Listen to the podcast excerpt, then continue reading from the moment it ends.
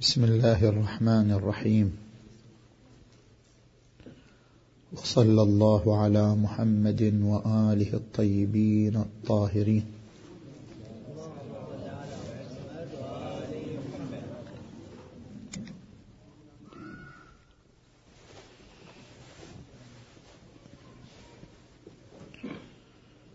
بسم الله الرحمن الرحيم ان الله يأمر بالعدل والإحسان وإيتاء ذي القربى. صدق الله العلي العظيم. إذا قمنا بتحليل شخصية الإنسان وقراءة أبعاده ونزعاته. سنجد أن للإنسان أبعادا متأصلة في شخصيته وهذه الأبعاد هي قوام إنسانيته. فهو إنما يتميز على المخلوقات الأخرى بهذه الأبعاد التي يمتلكها. البعد الأول أن الإنسان له نزعة نحو التعلق باللامحدود. الإنسان منذ نعومة أظفاره منذ تفتح ذهنه يدرك أنه محدود أي يدرك أن له قوة محدودة ادراكا محدودا نشاطا محدودا. فإذا أدرك أنه محاط بالحدود من جميع الجهات. عندما يريد أن يدرك شيئا يرى حد لإدراكه. عندما يريد أن يبدع شيئا يرى حدا لإبداعه. عندما يريد أن ينشئ حركة يرى حدا لحركته. فيدرك أنه محدود. فيتساءل بطبعه إذا كنت محدودا فمن أين أكتسب القوة التي أتجاوز بها هذه الحدود؟ من أين أكتسب القدرة التي أتغلب بها على هذه الحدود وعلى هذه القيود؟ من هنا تدعوه فطرته إلى أن يتعلق بقوة لا محدودة. تدعوه فطرته إلى أن يتشبث بقوة أخرى وإن كان لا يستطيع أن يميز تلك القوة ولا يستطيع أن يحدد كنه وجوهر تلك القوة.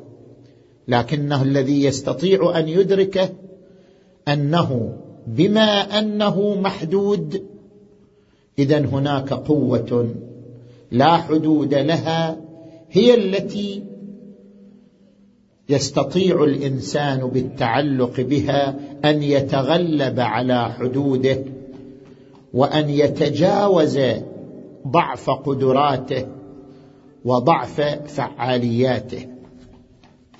وهذا التعلق بعد متأصل في الإنسان وهو ما يسمى بالعبادة. حتى التاريخ الجيولوجي للإنسان يثبت لنا أن العبادة من أقدم الظواهر التي صحبت الإنسان. مهما رجعنا لإنسان لإنسان ما قبل التاريخ لإنسان ما قبل الحياة الاجتماعية نرى أنه كان له بعد عبادي أي كان له تعلق بقوة أخرى. قد يتصور أنها الشمس قد يتصور أنها القمر قد يتصور أنها الأمطار يتصور الإنسان صور لتلك القوة. ولكن بالنتيجة هناك بعد متأصل في شخصيته وهو التعلق بقوة لا محدودة. وكذلك نري إبراهيم ملكوت السماوات والأرض وليكون من الموقنين. فلما رأى كوكبا قال هذا ربي يعني أنا بطبعي أتعلق بقوة أخرى لعل تلك القوة هي هذا الكوكب. فلما أفل قال لا أحب الآفلين. فلما رأى القمر بازغا قال هذا ربي. فلما أفل قال لئن لم يهدني ربي لأكونن من القوم الضالين. فلما رأى الشمس بازغة قال هذا ربي هذا أكبر.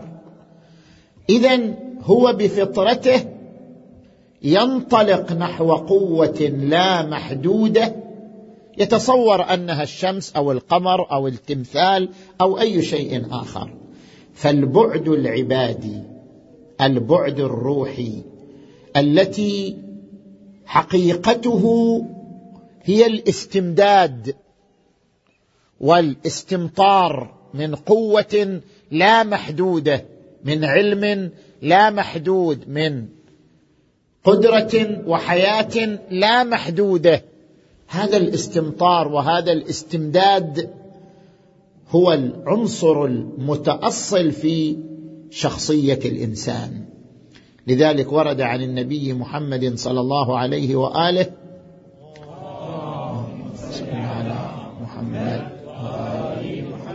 من عرف نفسه فقد عرف ربه.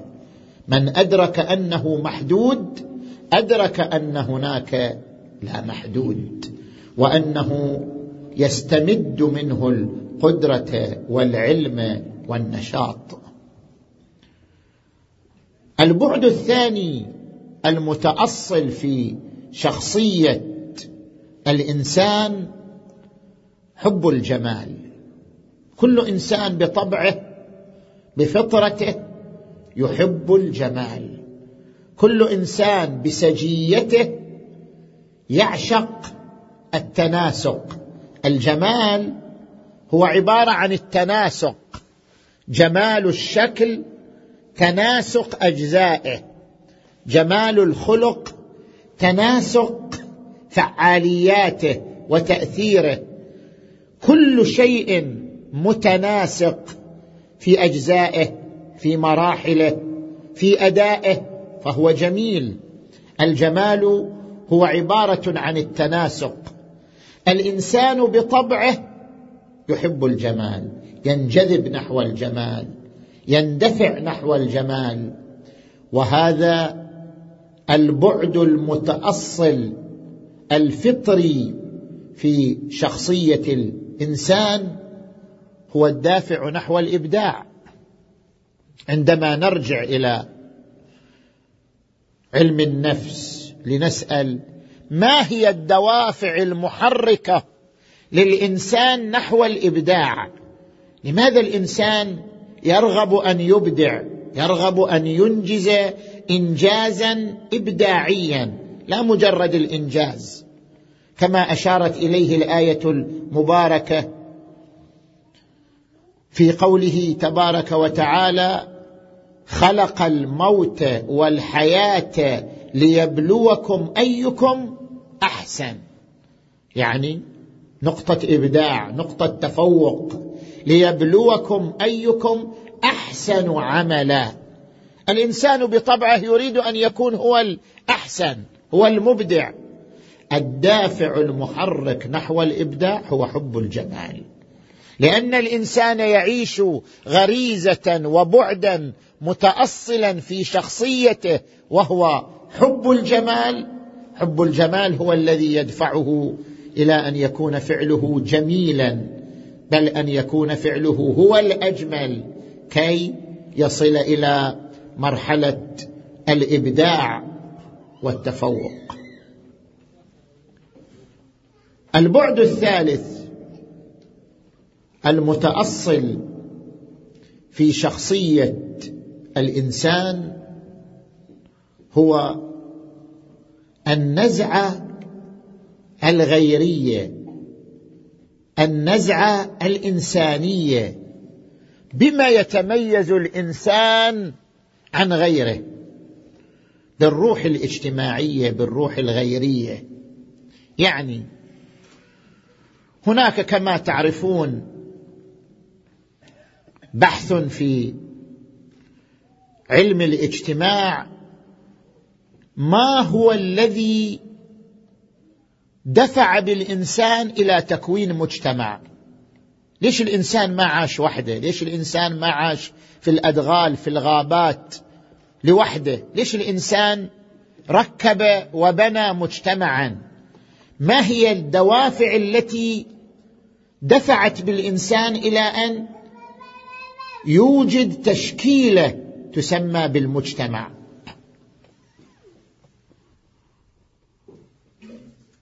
هناك اتجاه مادي يحلل هذه الدوافع تحليل مادي. يقول الإنسان يحب ذاته لأنه يحب ذاته. أراد أن يسخر الآخرين لخدمة ذاته وهو ما يسمى بمنطق الاستخدام روح الاستخدام. أراد أن يستخدم الآخرين لقضاء مآربه للوصول إلى مطامحه. فلأنه أراد أن يستخدم الآخرين للوصول إلى مطامحه الآخرون أيضا أرادوا أن يستخدموه للوصول إلى مطامحهم. من هنا تكونت التشكيلة الاجتماعية.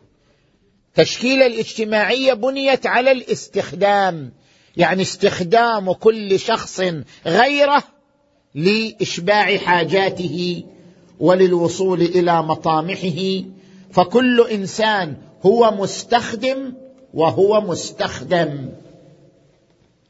نحن قسمنا بينهم معيشتهم في الحياة الدنيا ورفعنا بعضهم فوق بعض درجات ليتخذ بعضهم بعضا سخريه أي ليسخر بعضهم البعض الآخر لخدمته ولقضاء مآربه ومطامعه. لأجل ذلك هذا الاتجاه الذي يحلل شخصية الإنسان تحليل مادي أن الإنسان انطلق من غريزة حب الذات لاستخدام الآخرين ومن هنا تشكلت بذرة المجتمع. لكن هناك اتجاه إنساني يحلل المسألة تحليل إنساني تحليل روحي وليس تحليل مادي. يقول لا الإنسان بطبعه لديه نزعة اجتماعية. الإنسان بطبعه لديه نزعة نحو الآخر. الإنسان بفطرته يحب غيره يحب الآخر يحب أن يكون مع غيره.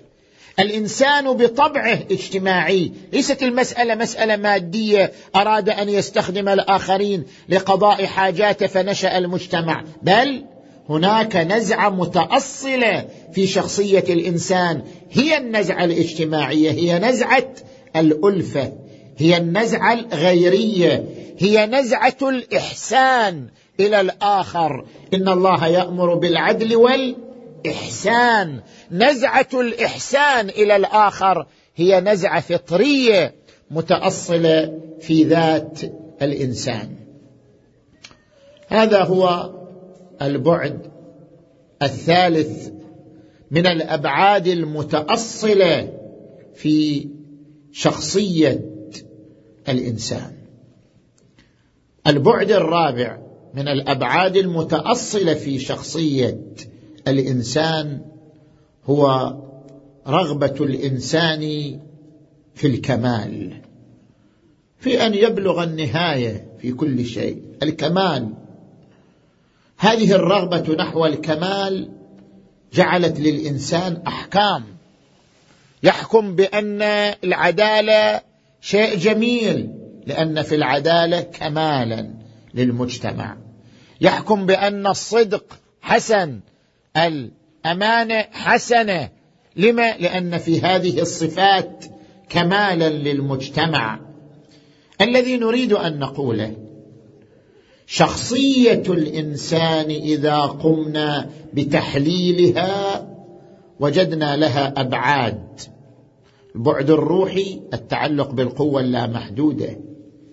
البعد النفسي حب الجمال والرغبة في الجمال. البعد الاجتماعي أن للإنسان نزعه غيريه نحو ما هو من جنسه من بني الإنسان.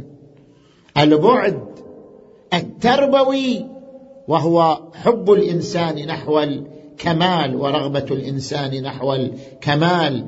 إن الإنسان لربه لكنود وإنه على ذلك لشهيد وإنه لحب الخير. لشديد هو بطبعه يحب الخير.